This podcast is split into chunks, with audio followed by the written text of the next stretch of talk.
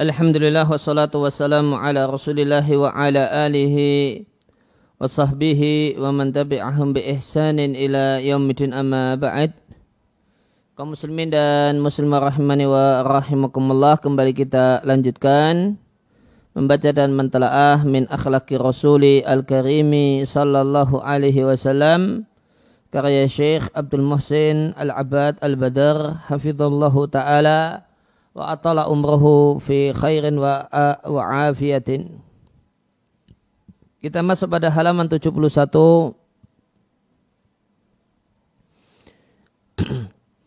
ya, sifat di antara sifat Nabi yang ketiga adalah kasih sayang beliau dengan umatnya, lembutnya beliau dengan umatnya, dan syafaqah kasih sayang beliau alaiha pada umatnya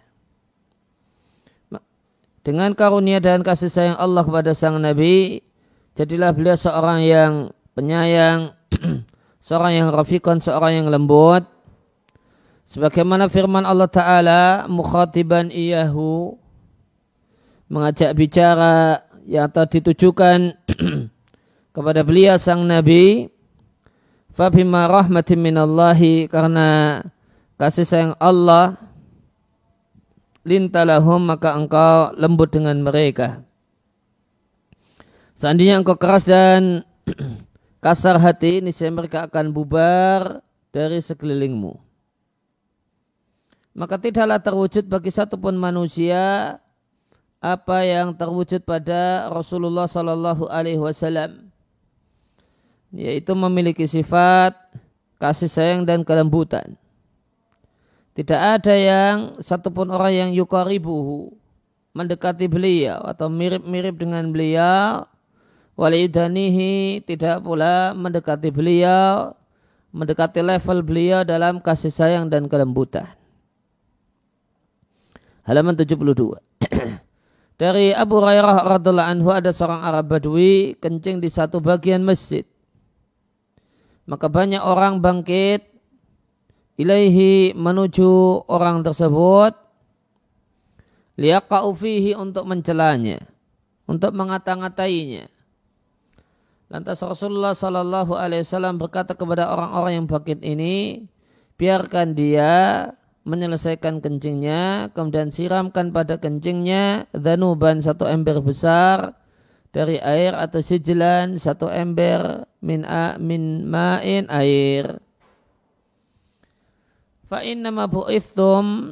Sungguh kalian para sahabat demikian juga orang-orang yang meneladani sahabat dan mengikuti para sahabat kalian itu diutus, dilahirkan, dimunculkan muyasirin untuk memberi kemudahan dan tidak diutus atau tidak dibangkitkan tidaklah dimunculkan muasirin untuk menjadi orang yang suka memberi kesulitan dikeluarkan oleh Al-Bukhari dan yang lainnya. Ya, maka ini tentu bentuk kasih sayang kepada orang yang ya, bodoh, orang yang tidak tahu tentang kemuliaan masjid. Sehingga kencing di masjid. Dalam saya Bukhari dari Abu Mas'ud radhiallahu anhu, maka sahabat Nabi itu ada Ibnu Mas'ud dan ada Abu Mas'ud. Kalau Ibnu Mas'ud itu muhajirin, kalau Abu Mas'ud itu ansar. Kalau dia mengatakan, ya, Atara julun ada seorang menemui Nabi Shallallahu Alaihi Wasallam dan menyampaikan, inilah ta'akharu ani salatil ghadati. Terjemah bebasnya, aku tidak sholat subuh. Itu sholat subuh berjamaah Min ajli dikarenakan fulan sang imam yuti lubina. Terlalu lama bacaannya bersama kami. Maka aku tidak pernah melihat Nabi Shallallahu Alaihi Wasallam yang sangat marah ketika memberikan nasihat minhu yauma idin dibandingkan nasihat beliau pada hari itu. Di antara nasihat yang beliau sampaikan kepada para sahabat di hari itu, ya ayuhan nas, sekalian manusia. Inna fikum munafirin. Sungguh di antara kalian ada orang-orang yang membuat lari dari agama. Maka siapa saja di antara kalian yang sholat bin nasi salat mengimami banyak orang, tajawaz maka adalah dia persingkat karena di tengah-tengah makmum itu ada al-kabir, ada orang yang sudah orang yang sepuh, orang yang sakit dan orang yang memiliki kebutuhan. Dan dari Abu Hurairah radhiallahu anhu Rasulullah sallallahu alaihi wasallam bersabda, "Idza shalla ahadukum falyukhaffif." Jika salah satu kalian salat maksudnya jadi imam, maka adalah ringankanlah cepatkanlah salatnya, jangan terlalu lama. Karena di tengah-tengah makmum itu ada orang yang lemah fisiknya, ada yang sakit, ada yang tua. Namun jika salah satu kalian salat linapsihi salat sendiri, falyutawil masya'a maka silahkan perlama selama yang dia suka.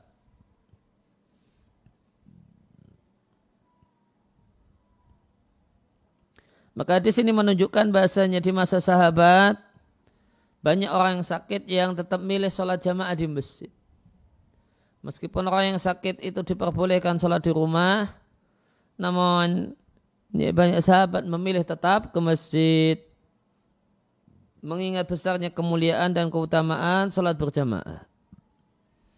Dari Abu Qatadah radhiallahu anhu dari Nabi Shallallahu Alaihi Wasallam, Nabi menyampaikan, Sungguh aku berdiri dalam sholat, aku ingin me memperlama sholat, lantas aku mendengar tangisan anak kecil. Fa'ata jawas maka aku perpendek, aku persingkat sholatku karena aku tidak ingin menyusahkan ibunya.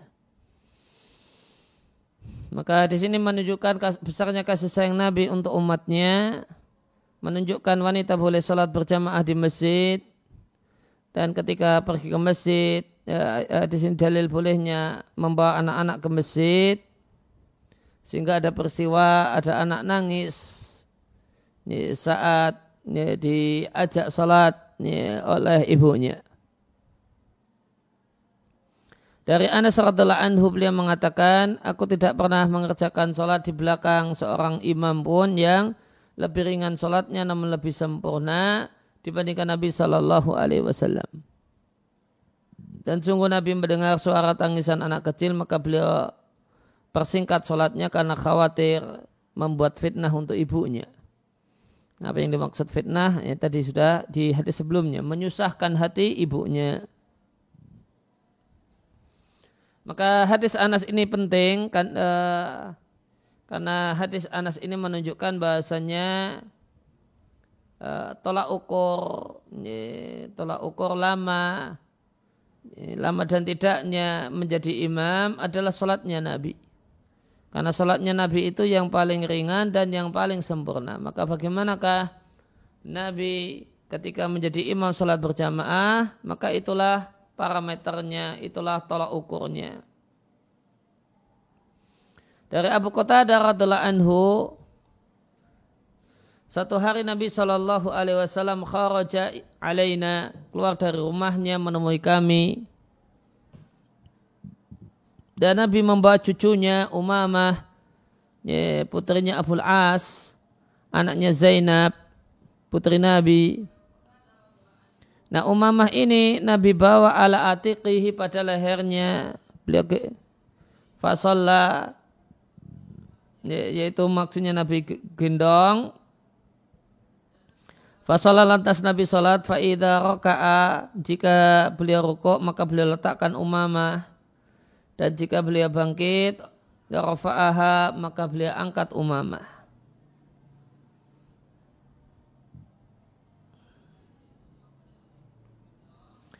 Dan Nabi Shallallahu Alaihi Wasallam bersabda seandainya bukan karena memberatkan umatku, niscaya akan aku perintahkan mereka untuk bersiwa setiap kali hendak salat. Wahadil ahadisu kulluha dan hadis-hadis ini seluruhnya ada dalam Sahih Bukhari. Walamma dan tatkala qama sallallahu alaihi wasallam Nabi salat dengan para sahabat di satu malam. Yusali bihim Nabi salat menjadi imam mereka di bulan Ramadan.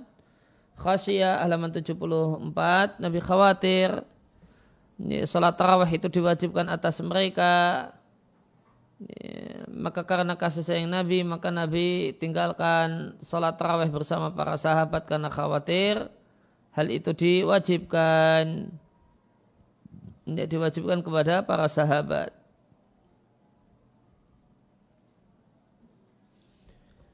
Kemudian dalam Sahih dan Sahih Muslim dari Ibunda Aisyah radhiallahu anha Nabi sallallahu alaihi wasallam Salat di masjid dan salat bersama dengan salatnya Nabi sejumlah orang. Kemudian di malam yang kedua Nabi salat. Orang-orang pun tambah banyak. Maka mereka semua kumpul di malam yang ketiga atau keempat. Namun Nabi tidak keluar rumah menemui mereka sampai pagi. Falamma asbah maka tatkala pagi tiba, qal Nabi menyampaikan pada para sahabat, Ra'aitul ladzi suna'tum. Aku telah mengetahui apa yang telah kalian lakukan maka tidak ada yang menghalangiku untuk keluar menemui kalian kecuali aku khawatir salat tarawih diwajibkan atas kalian dan itu di bulan Ramadan dan kekhawatiran Nabi ini telah hilang dengan wafatnya Nabi Shallallahu Alaihi Wasallam maka setelah wafatnya Nabi disyariatkan, dituntunkan dan dianjurkan untuk salat tarawih setiap malam. Dalam Sahih dan Sahih Muslim dari Ibunda Aisyah radhiallahu anha beliau mengatakan, Ingkana Nabi Sallallahu Alaihi Wasallam sungguh Nabi Sallallahu Alaihi Wasallam meninggalkan amal padahal beliau ingin mengamalkannya karena khawatir ayat malabi anas manusia atau banyak orang melakukannya lantas diwajibkan. Walamma tatkala Nabi Sallallahu Alaihi Wasallam melakukan eh, puasa wisal dan para sahabat Ridwanullah alaihim mengetahui hal itu mereka puasa wisal bersama Nabi. Nabi lantas melarang mereka para sahabat untuk melakukan puasa wisal. Kenapa? Dan inilah yang jadi mahalu syahid. Ishfaqan alaihim. Karena Nabi sayang dengan mereka. Namun para sahabat mengatakan anda sendiri puasa wisal. Nabi sampaikan inilah stuka hayatikum. Aku tidak seperti kalian. Karena meskipun tidak makan dan tidak minum, aku terasa makan dan minum. Sebagaimana Nabi tegaskan di hadis selanjutnya, dalam dalam sahihain dari sahabat Abu Hurairah radhiallahu anhu beliau mengatakan Rasulullah wasallam melarang puasa wisal anil wisali fi saumi melarang puasa wisal itu puasa dua hari ataukah lebih tanpa sahur tanpa buka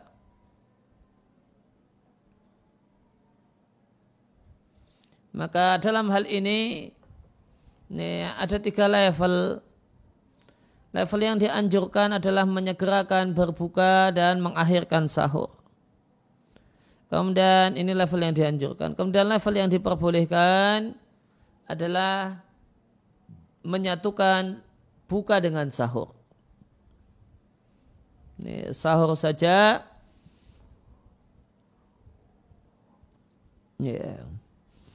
ya jadi di bahasa bebasnya dijamak ya, bukannya dengan sahurnya. Namun sehingga masih ada kegiatan makan. Ini hukumnya boleh. Kemudian wisal tidak puasa, tidak buka, tidak sahur. Nah ini yang terlarang. Rasulullah Shallallahu Alaihi Wasallam melarang puasa wisal. Lantas ada salah seorang kaum muslimin berkata kepada Nabi, Anda sendiri puasa wisal wahai Rasulullah. Maka jawaban Rasulullah sallallahu alaihi wasallam wa ayyukum mithli Siapakah di antara kalian yang semisal denganku? Ini abitu aku me, me, melalui waktu malam dalam keadaan Rabbku memberi makan kepadaku dan berikan minum kepadaku. Ada dua penjelasan ulama tentang ini abitu yuta'imuni rabbi wa yasqiyani. Ada yang menyampaikan bahasanya Nabi diberi makanan dan minuman surga. Namun ini kurang tepat karena jika Nabi itu realitanya makan maka berarti beliau tidak puasa wisal. Namun yang tepat pendapat yang kedua mengatakan yang dimaksud dengan makan dan minum ini asiknya dan nikmatnya beribadah kepada Allah sehingga lupa makan dan minum.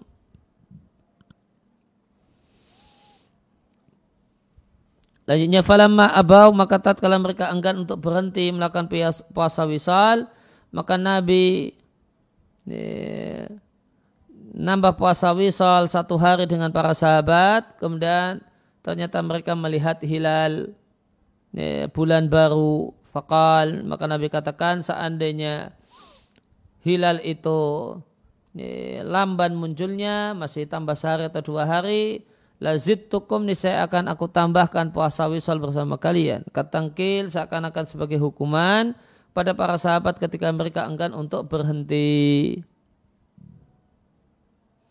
Maka di sini di antara faedah dari hadis ini hadis ini menunjukkan bolehnya menggunakan andai.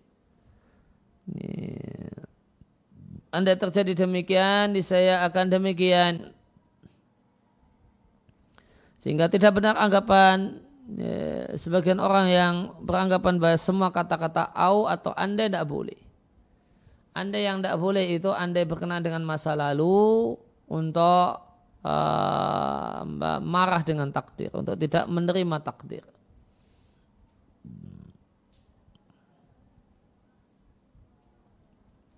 Untuk uh, untuk mengungkapkan kecewa dengan takdir dan ketentuan Allah Subhanahu wa taala itu Anda yang terlarang. Adapun Anda sekedar mengkabarkan ya, Anda yang maknanya adalah mengkabarkan kalau Anda uh, kemunculan hilal bulan baru itu lebih lamban. Ini akan ada tambahan puasa wisol bareng dengan Nabi. Maka ini tidak termasuk pengandaian yang terlarang. Maka Nabi Shallallahu Alaihi Wasallam melarang para sahabat an wisal puasa wisal rahmatan bihim karena sayang dengan sahabat, safakotan alaihim dan iba dan sayang kepada para sahabat. Falamma maka tatkala raja'uhu mereka menyanggah Nabi dalam masalah ini sebagai rohbatan fi eh, dorongan yang kuat atau keinginan yang besar dari mereka untuk mencocoki Nabi maka Nabi puasa wisal bersama mereka wakana dan itu adalah wakana akhir syahr yauman dan adalah akhir bulan itu satu hari kemudian satu hari Kemudian mereka melihat hilal. Maka Nabi katakan seandainya kemunculan hilal itu belakangan atau agak mundur, niscaya akan aku tambahkan hari puasa wisal bersama kalian seakan-akan seperti hukuman untuk para sahabat ketika mereka enggan untuk berhenti. Ya, ini ada penjelasan yang cukup menarik dari uh, Sabdul Musin untuk hadis ini. Hada ini yang Nabi ya, sikap yang Nabi lakukan adalah irsyadun amali adalah bimbingan praktis dan pendidikan nabawi untuk para sahabat yang mulia radhiallahu anhum. Liyuqifahum Nabi mau menunjukkan pada mereka ala dha'fim kelemahan mereka dan bahasa puasa lisan untuk memberatkan mereka.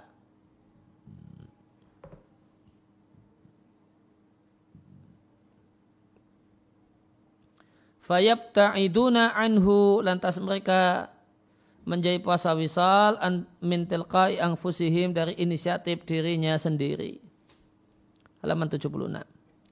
Hada ya, takdibun pendidikan Nabi ini yusbihuhu serupa dengan seorang ayah yang melihat anaknya berupaya untuk mainan api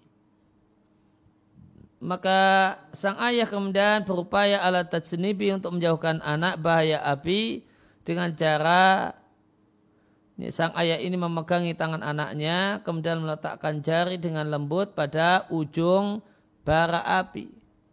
Liudrik supaya anak ini mengetahui seberapa jauh bahaya bara api. Fayakunu hadiran minha sehingga dia menjadi seorang yang waspada dengan bara api wayabta'id dan menjauhi dari terjumus ke dalam bara api li'ana walidahu karena ayahnya qad awqafahu telah menunjukkan di hadapan matanya alamada seberapa jauh bahaya bara api. Itu makna uh, kisah puasa wisal Nabi dengan para sahabat dan Nabi mengatakan dan disampaikan ketangkil lahum seakan-akan hukuman untuk para sahabat. Ini gambarannya ya demikian. Kemudian dalam Sahih Muslim dari Muawiyah ibn Hakam As-Sulami radhiyallahu anhu tatkala beliau mendoakan bersin wa fi salati saat salat mendoakan bersin rajulan seorang yang atosa bersin dan dia menjumpai pengingkaran dari para sahabat kepadanya.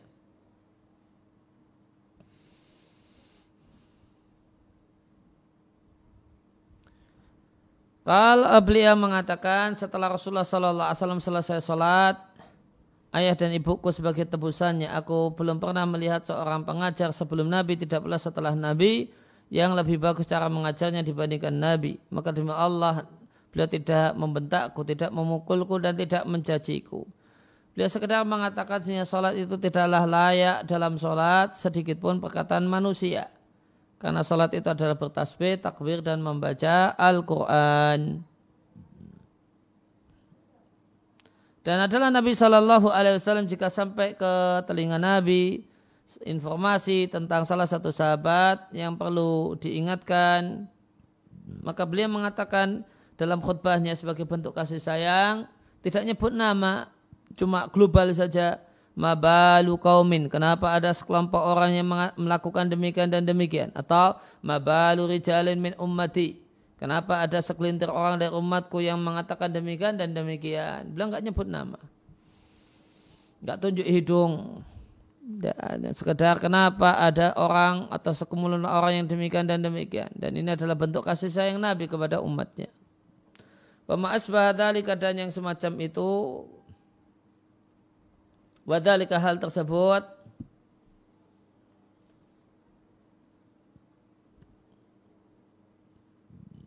liyu'adila anhu supaya atau liya'adila anhu supaya berpaling darinya man saudara minhu orang yang muncul darinya perbuatan yang Nabi tegur. Dan uh, dan supaya diwaspadai supaya tidak terjumus dalam perbuatan yang sama man orang-orang yang lam yubashirhu ya belum melakukannya.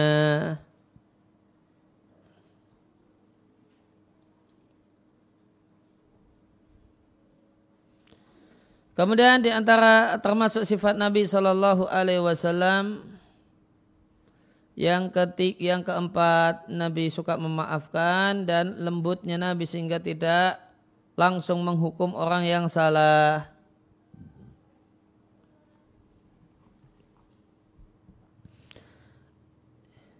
Sebagaimana Nabi Shallallahu Alaihi Wasallam beliau adalah puncak dalam kasih sayang dan kasih sayang, beliau juga puncak dalam memaafkan, hilam, ya, menahan emosi, asaf, memaafkan, sabar, watahamul dan bersabar, menghadapi gangguan. Ya. Jika al-afu itu digandeng dengan asafu, maka asafu itu memaafkan, al-afu itu memaafkan secara lahiriah, Sedangkan asaf itu memaafkan secara batin sehingga seakan-akan belum pernah terjadi apa-apa sehingga bisa akrab-akrab saja, enjoy-enjoy saja dengan orang tersebut.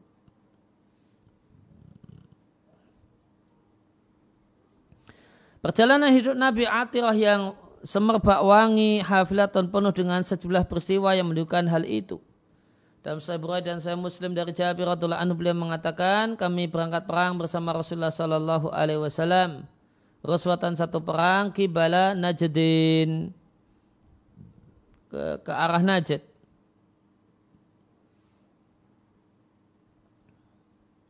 Fadokna kami bisa menyusul Rasulullah Sallallahu Alaihi Wasallam Fiwadin di satu lembah yang banyak Allahnya, pohon yang berduri. Rasulullah Shallallahu Alaihi Wasallam singgah di salah satu pohon, beliau gantungkan pedangnya di salah satu dahan pohon itu. Kal Rawi mengatakan, para sahabat tercerai-berai di lembah-lembah, mereka mencari yastadilu nabi bisyajari. Mereka cari naungan dengan menggunakan bayang-bayang pohon. Qal faqala Rasulullah sallallahu alaihi wasallam Rasulullah sallallahu alaihi wasallam bercerita ada seorang yang mendatangiku sedangkan aku lelap tidur. Dia ambil pedang. Uh, aku bangun dan dia berdiri ada di atas kepalaku. Maka aku tidaklah menyadari illa kecuali pedangnya telah sultan fiyadihi. mungkin terhunus.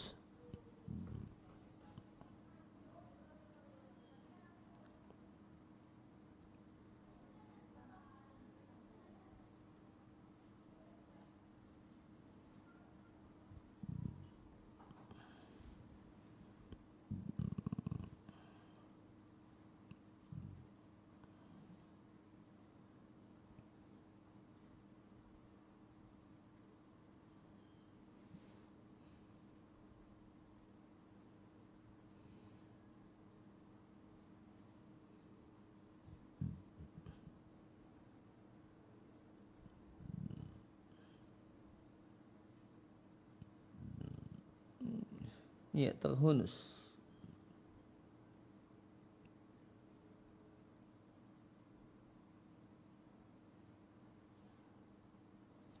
Uh, mengkilap. Uh, pedang itu adalah sultan pedang yang mengkilap, tajam, fiadi di tangannya. Fakalali lantas orang tersebut berkata pada Nabi, apa yang menghalangiku, apa yang bisa melindungi dirimu dari gangguanku. Maka kultu aku katakan Allahu.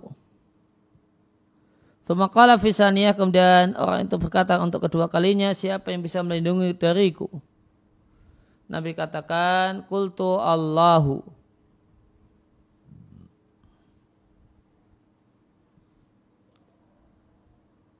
Kemudian fasama asaifu. Ini ada kata-kata syama.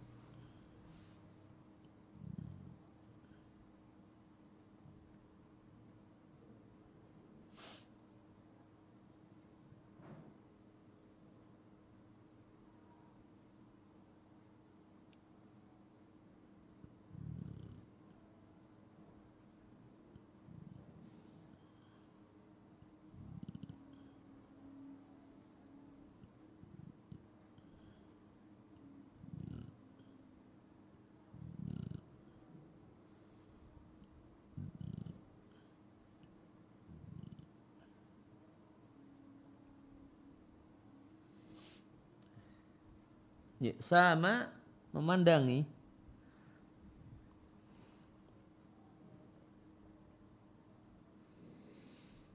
Fasama as-saifa.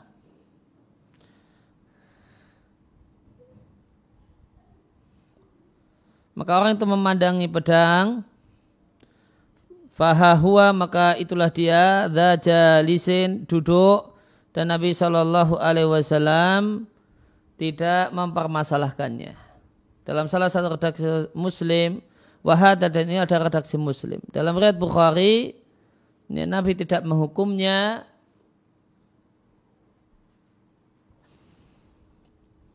Ya, dalam Sahih Bukhari, redaksinya walam yu'aqibhu, Nabi tidak menghukumnya wajalasa dan dia pun duduk.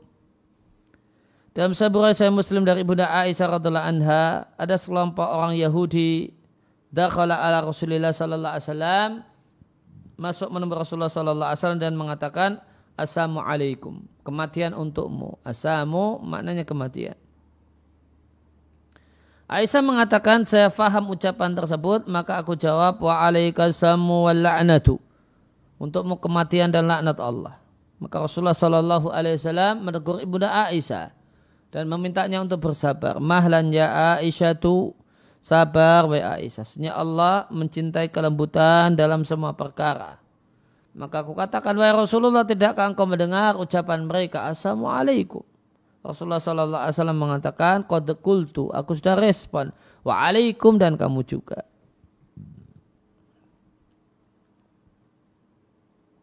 Dalam sebuah dan saya Muslim dari Aisyah radhiallahu anha beliau mengatakan,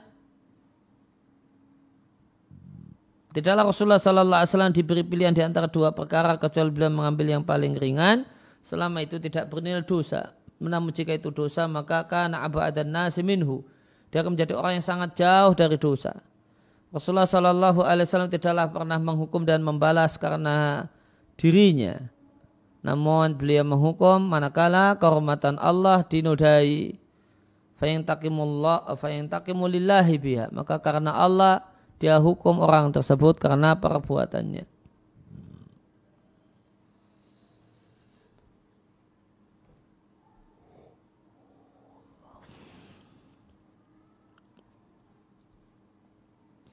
Kemudian dilihatkan Al-Bukhari halaman 79 ya. Diatkan Bukhari dan Muslim dalam sahih keduanya dari Anas radhiallahu anhu beliau mengatakan, aku berjalan bersama Rasulullah sallallahu alaihi wasallam dan Nabi memakai kain najrani yang kasar sisi pinggirnya. Ada seorang Arab Badui yang mengejar Nabi lantas menarik Nabi, menarik ridaknya Nabi. Dengan tarikan yang kencang kata Anas sampai aku melihat sisi leher Nabi Shallallahu Alaihi Wasallam telah membekas padanya hasyatu raddi.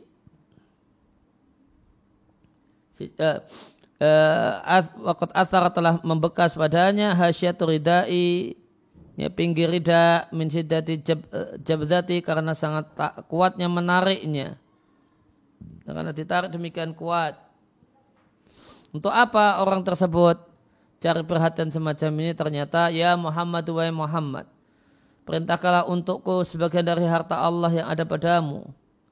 Ya, minta ini harta. Faltafata ilaihi Nabi cuma menoleh kepadanya dan apa yang terjadi? Fadhahiqa Nabi cuma tertawa. Kemudian Nabi perintahkan kepada salah satu sahabat lahu bil atai bi atai untuk memberikan makanan kepada orang tersebut bi atai dengan memberikan sesuatu kepada orang tersebut.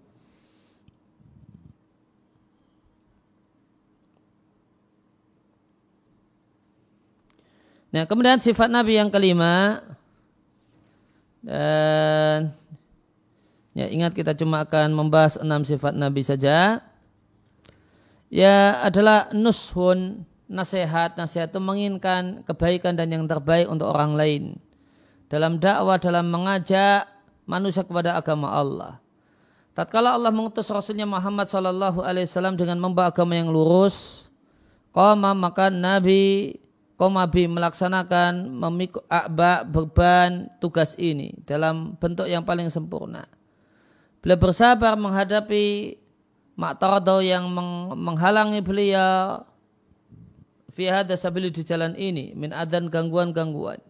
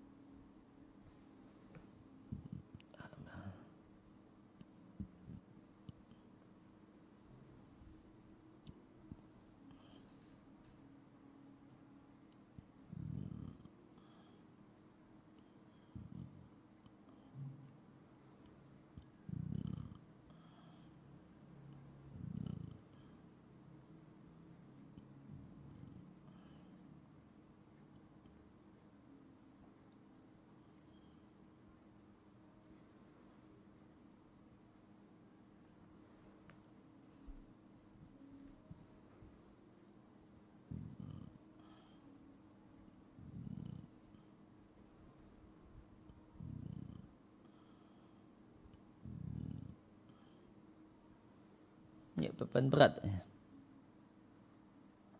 Nah. Dikeluarkan kembali ke buku dikeluarkan oleh Abu dan Muslim dalam sahih keduanya dari ibunda Aisyah radhiallahu anha.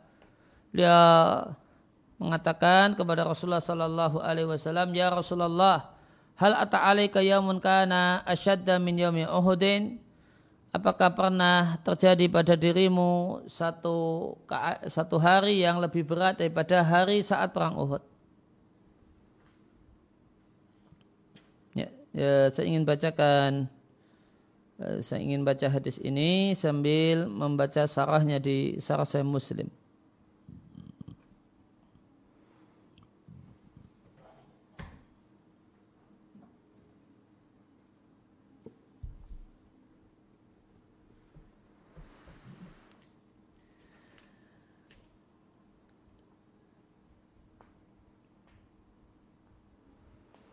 Ya, uh, ya Rasulullah hal ata ata bimakna madha.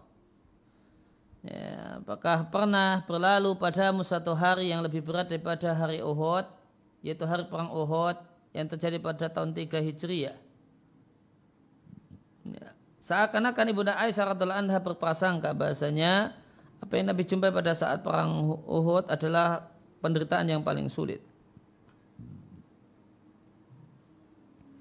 Ternyata Nabi Shallallahu Alaihi Wasallam mengatakan lakot laki itu Kofnya di kasrah min komika dari kaummu. Ditujukan pada ibunda Aisyah. Yang dimaksud dengan kaumnya Aisyah adalah orang kafir Quraisy. Itu maknanya aku menjumpai gangguan dari orang kafir Quraisy. Wakana asyadda malakitu minhum yaumal aqabati. Dan kondisi yang paling berat yang aku jumpai dari orang kafir Quraisy adalah pada hari Aqabah.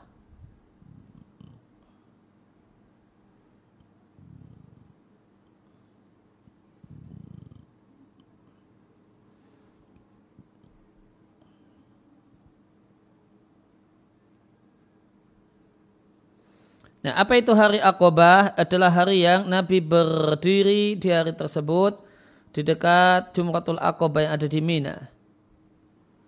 Ya, itulah uh, Aqobah yang dinisbatkan kepadanya Jumratul Aqobah. Nah, di Aqobah tersebut Nabi mendakwai manusia kepada Islam. Namun ternyata mereka tidak memberikan respon positif bahkan mengganggu Nabi. Wadali kaliaum dan jadilah uh, dan hari tersebut seorang jadilah dia ma'rufan hari yang dikenal.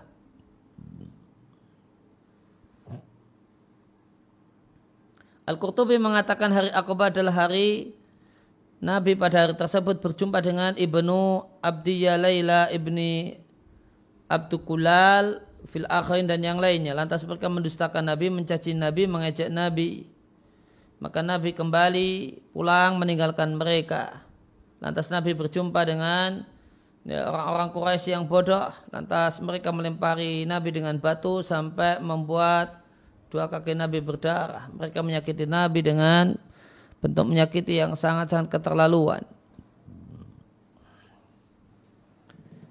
Uh, ketika itu aratu nafsu kutawarkan diriku yaitu ketika kutawarkan diriku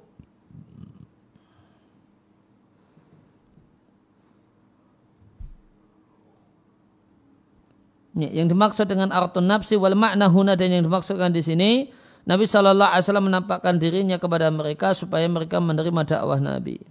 Yaitu kepada ibnu Abdiyya Laila ibnu Abdi Kulal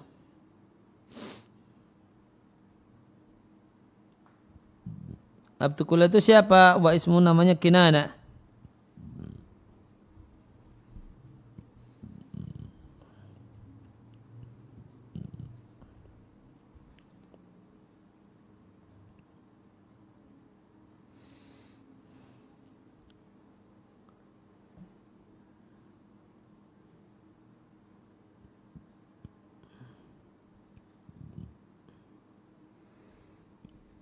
Ya, sebentar.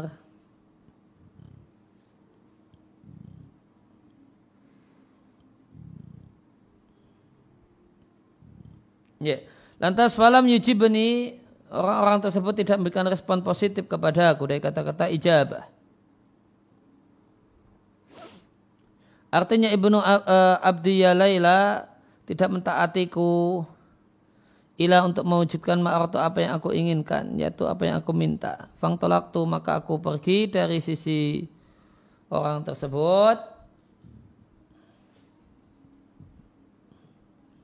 yaitu Ibn Abdi ya Laila. Wa ana mahmumun dan aku orang yang sedih. Nih. Ala wajihi terlihat sedih pada wajahku.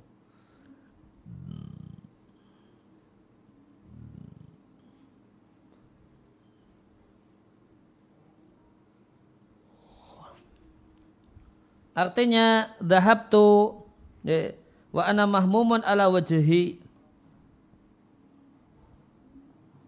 Ya. Aku sedih ala wajhi ini ada makna khususnya ini. Artinya tu iman ala jihatil muwajahati li. Aku pergi tanpa tujuan. ya sekedar jalan di mana di hadapanku ada jalan yang aku tidak tahu mau pergi ke mana. Hal ini disebabkan karena beratnya ya, respon mereka yang tidak mau menerima dakwah Nabi.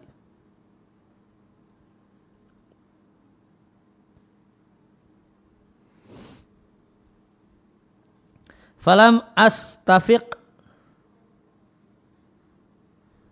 Ya, astafiq.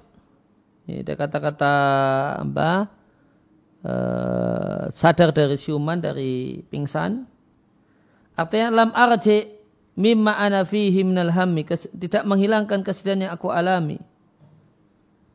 Dari kata-kata ifaqah atau istifaqah artinya rujuul fahmi. Kembalinya pemahaman pada diri seseorang setelah tersibukkan dengan yang lainnya.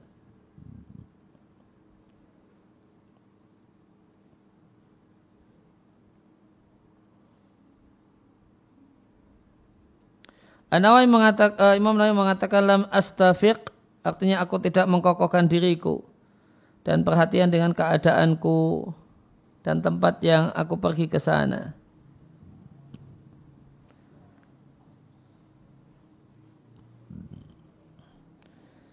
Ya intinya ya Nabi pergi uh, tak tentu arah.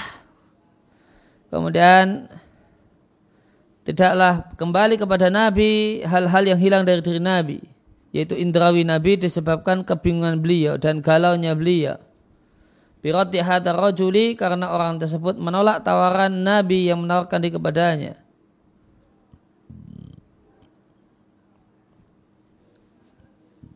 Nah, kemudian maka aku tidaklah tersadar ila bikorni sa'alib kecuali di korni sa'alib. Yaitu satu tempat yang namanya demikian.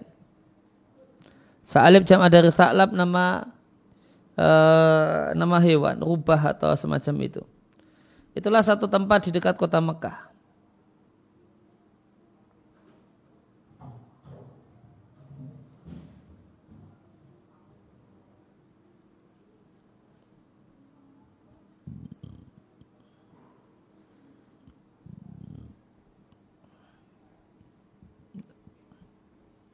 Ya kata An-Nawawi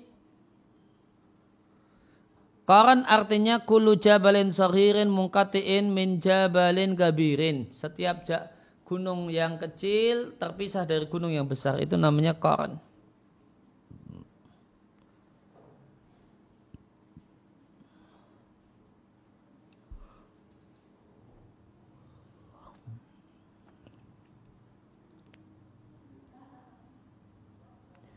Al-Faqih mengatakan Qarnut Sa'alib adalah gunung yang menjorok pada bisa melongok bagian bawah Mina.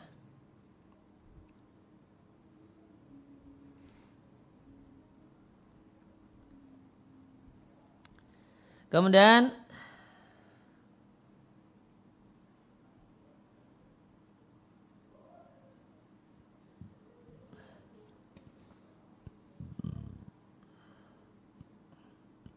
farfa'tu ra'si.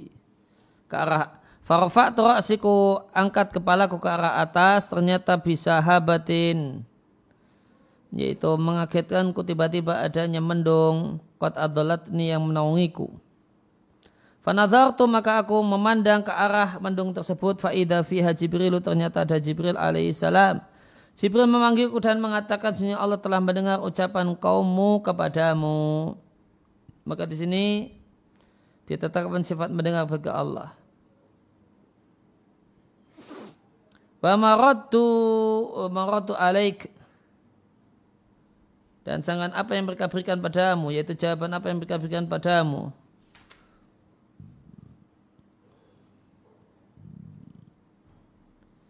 Wa qad ba'asa dan sungguh Allah telah kirimkan padamu malakal jibali malaikat gunung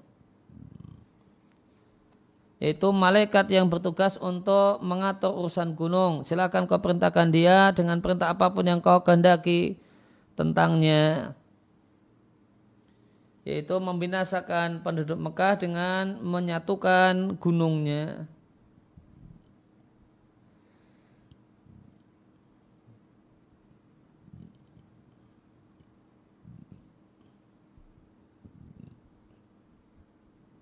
Ya supaya kau perintahkan apa yang kau kehendaki tentang penduduk Mekah. Kalau maka Nabi mengatakan, Qala sallallahu alaihi wasallam fanadani malakul jibali maka malaikat gunung menyeruku.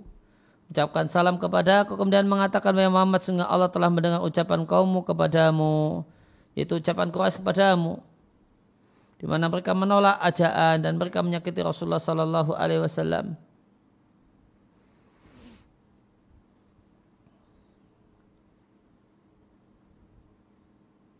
Ya, oleh karena itu Nabi pergi ke Taif untuk mencari orang yang bisa melindungi beliau dan menolongnya sehingga tidak uh, meng, uh, sehingga beliau melaksanakan tugas kerasulan dan melanjutkan dakwah.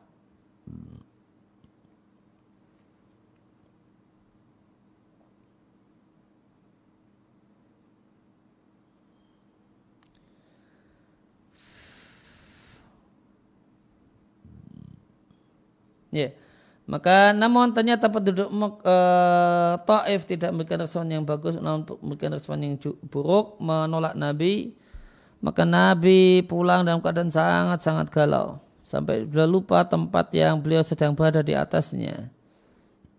Dan tidaklah Nabi tersadar kecuali darah koran sa'alib. Malaikat gunung mengatakan, Ana malakul jibali, aku malaikat gunung. Allah telah mengutusku kepada uh, mengutusku supaya engkau memerintahkan aku dengan perintah fama syi'ta lantas apa yang kau inginkan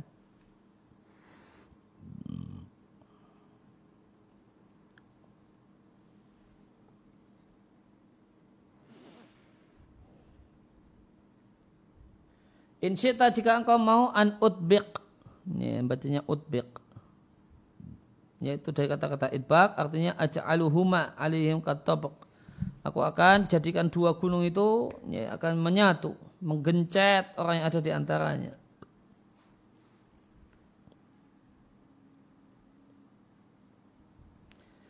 Ya. Eh, aku akan benturkan pada mereka aksyaba ini dua gunung. Yaitu dua gunung Mekah yaitu gunung Abu Kubais dan gunung yang berhadapannya. Ya, nampaknya namanya Ku'ai Ko'an.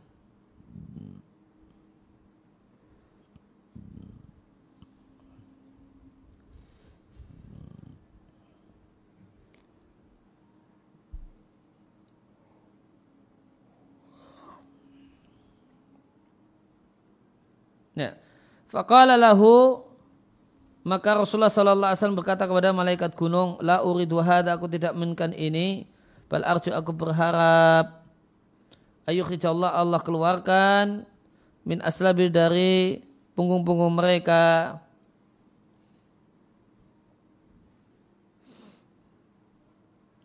Man orang yang menyembah Allah semata Wala yushku bi dan tidak menyekutukan Allah dengan sesuatu apa pun. Dan Allah telah mewujudkan harapan Nabi ini, maka Allah keluarkan dari tulang-tulang punggung mereka orang-orang yang menyembah Allah dengan benar.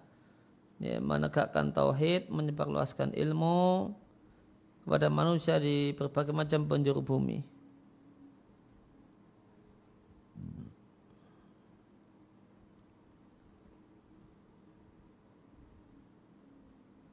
Kata Qurtubi jika anda renungkan hadis ini akan terbuka pada anda keadaan Nabi Shallallahu Alaihi Wasallam makna dari firman Allah wa ma'arsalaka ila lil alamin. Itu di ini di Sarah Al-Bahr Al-Muhid As-Sajjad. Ini, maka Aksyabain dua gunung yaitu Gunung Abul Kubais dan gunung di depannya yang berhadapan dengannya.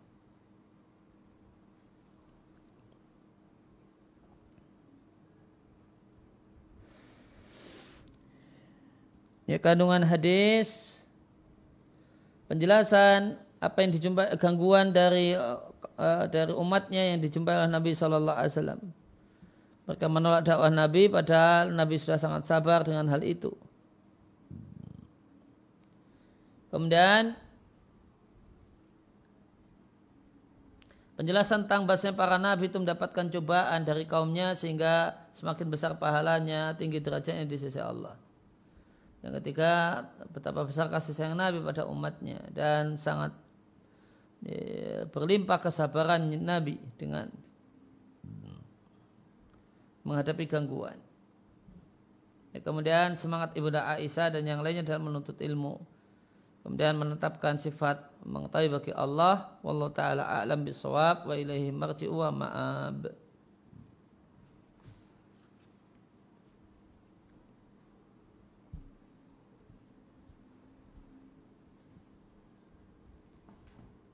Ya, kembali ke buku halaman 81.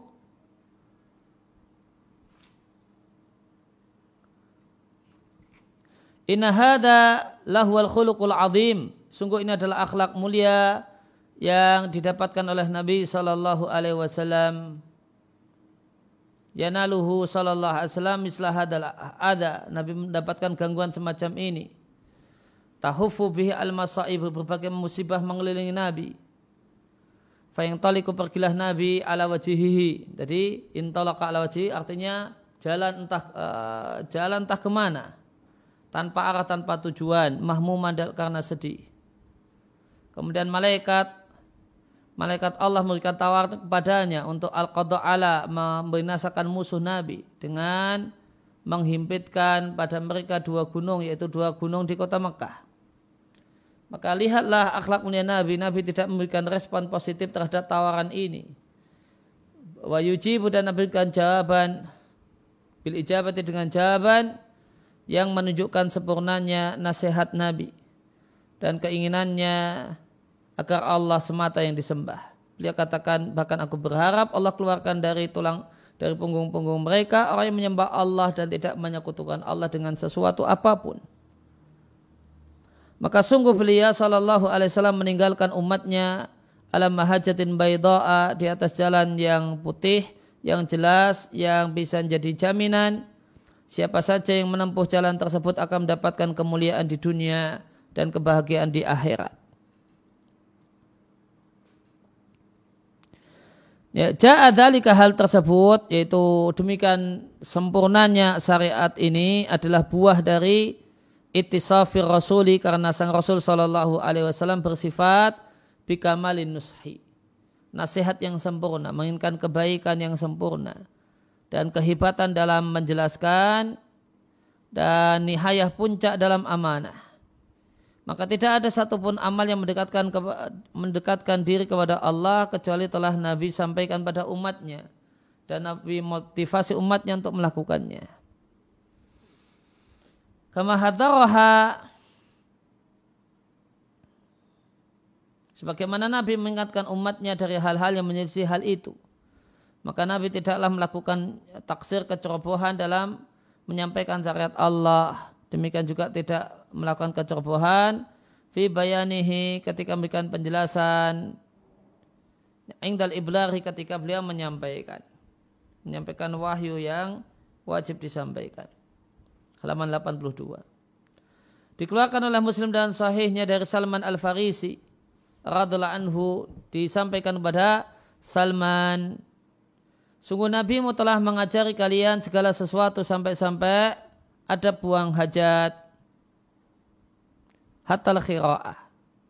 Qal uh, faqal maka Salman mengatakan ajal betul sungguh Nabi melarang kami untuk menghadap kiblat ketika buang air liraitin ketika buang air besar atau baulin buang ya, atau kencing. Demikian juga Nabi melarang kami untuk istinja dengan menggunakan tangan kanan atau istinja kurang dari tiga batu. Melarang kami untuk istinja cebok dengan roji dengan uh, dengan kotoran hewan atau admin atau tulang. Dan Nabi Shallallahu Alaihi Wasallam telah mengumumkan kalau beliau telah melaksanakan kewajiban tablik menyampaikan di kumpulan paling besar yang pernah Nabi jumpai. Itulah saat hajatul wada. Nabi minta persaksian pada manusia. Memberikan persaksian terhadap diri mereka sendiri. Dan orang uh, dan para sahabat pun mereka memberikan persaksian yang benar kalau Nabi telah meiblar telah menyampaikan risalah Rabbnya wa ta'diyati dan melaksanakan apa yang diperintahkan dalam bentuk yang paling sempurna. dan nushi menginginkan yang terbaik dalam hal itu. Wadhalika dan hal tersebut pengumuman itu ada dalam hadis Jabir radhiallahu anhu yang panjang tentang tata cara haji Nabi Wasallam yang dikeluarkan oleh Muslim dalam sahihnya. Wafihi isi hadis ini terdapat sabda Nabi Wasallam ketika Nabi menyampaikan khutbah kepada para sahabat pada hari Arafah. Sungguh telah kutinggalkan di tengah-tengah kalian yang kalian tidak akan sesat setelahnya jika kalian memegangnya erat-erat yaitu kitabullah dan kitabullah dan kalian akan ditanya tentangku maka apakah jawaban yang telah berikan kalian kepadaku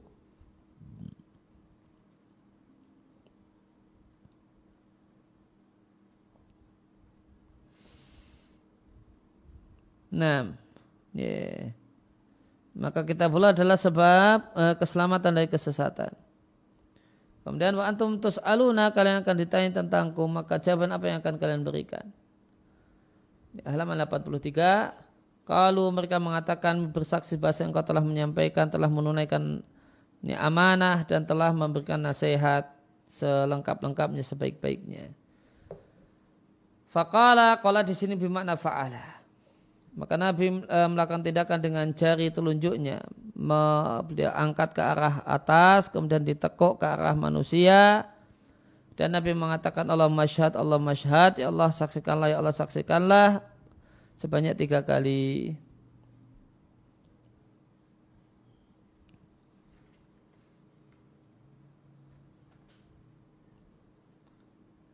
Dan tidaklah Nabi Shallallahu Alaihi Wasallam membiarkan satupun sarana via dalam sana tersebut terdapat idah, penjelasan dan memahamkan pada orang lain dan mendorong semangat untuk melakukan ketaatan pada Allah dan menjadi maksiat kepada Allah kecuali Nabi akan tempuh metode tersebut dalam rangka uh, berdakwah mengajak orang pada agama Allah.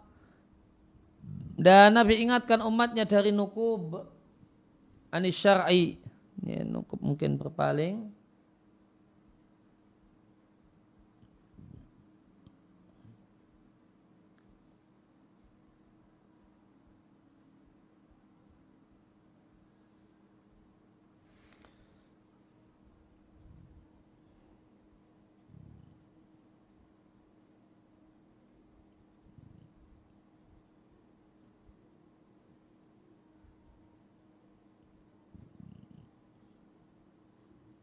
ya, nakaba aniswab adalah anhu menyimpang darinya. Ya, Nabi mengingatkan umatnya untuk tidak minan nukub menyimpang dari syarat yang lurus yang dibawa oleh Nabi Shallallahu Alaihi Wasallam.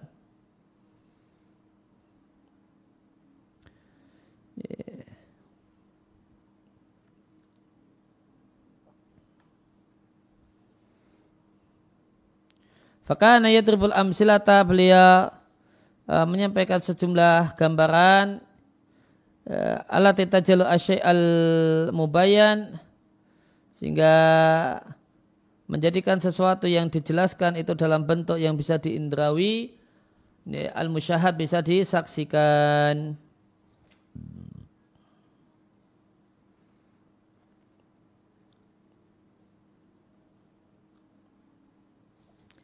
Dalam Sahih Muslim dari Abu Musa al Ashari radhiallahu anhu dari Nabi Shallallahu Alaihi Wasallam, kalau Nabi mengatakan permisalanku dan permisalan ajaran yang Allah utus aku dengan membawanya. Seperti seorang yang mendatangi kaumnya dan sukunya dan mengatakan, Wahai kaumku, sungguh aku melihat tentara. Ini, tentara musuh dengan mata kepalaku. Wa ana nadhiru al-uryan. Dan aku adalah pemberi peringatan yang telanjang. Eh, Nadir Uryan itu ungkapan bahasanya uh, ya, ada kisahnya seorang yang mengingatkan kaumnya tentang bahaya musuh yang mau menyerang. Akhirnya untuk mengumpulkan dan memberitahukan uh, kaumnya orang ini naik ke gunung atau ya bukit ke bahasa kita, kemudian dia telanjang, dia lepas seluruh pakaiannya, kemudian dia kibas-kibaskan untuk manggil orang. Nah itu nazirul uryan. Fannaja. Nah berkenaan dengan nazirul uryan ini dia ditaati oleh sekelompok dari kaumnya. Fa'adlaju. Maka mereka berangkat di waktu pagi. Fangtolaku mereka berangkat ala muhlatim dengan nyantai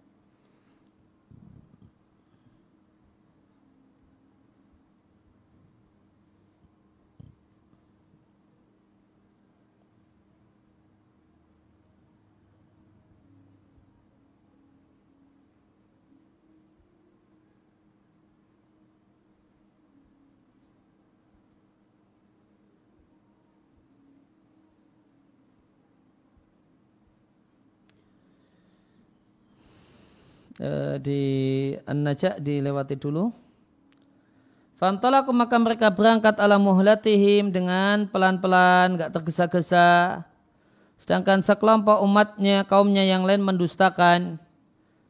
Fa'asbahu, maka mereka di waktu pagi maka nahum masih di tempatnya. Wasobahum al-jaishu. Lantas tentara musuh menyerang pagi-pagi pada mereka dan membinasakan mereka. Watstahahum dan membinasakan sehabis-habisnya. Fadalika maka itulah permisalan orang yang mentaati, e, mentaatiku dan mengikuti ajaranku dan permisalan orang yang durhaka kepadaku dan mendustakan majid tubi minal haqi kebenaran yang aku bawa.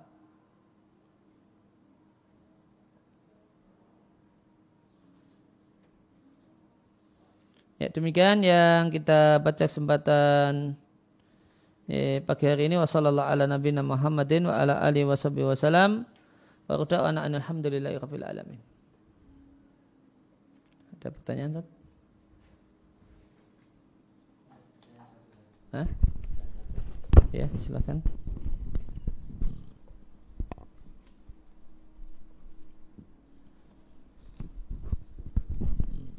Baik, Ustaz. Uh, Assalamualaikum warahmatullahi wabarakatuh. Waalaikumsalam warahmatullahi wabarakatuh. Ustadz, apakah galau diperbolehkan ketika pasangan ngeyel tidak mau menerima nasihat kita? Galau dalam artian sedih, orang yang disayangi tidak merespon positif ajaan kita, satu hal yang tidak mengapa sebagaimana galaunya Nabi yang tadi kita bahas. Sudah? Ya demikian. Subhanakallahumma wa bihamdika. أشهد أن لا إله إلا أنت أستغفرك وأتوب إليك.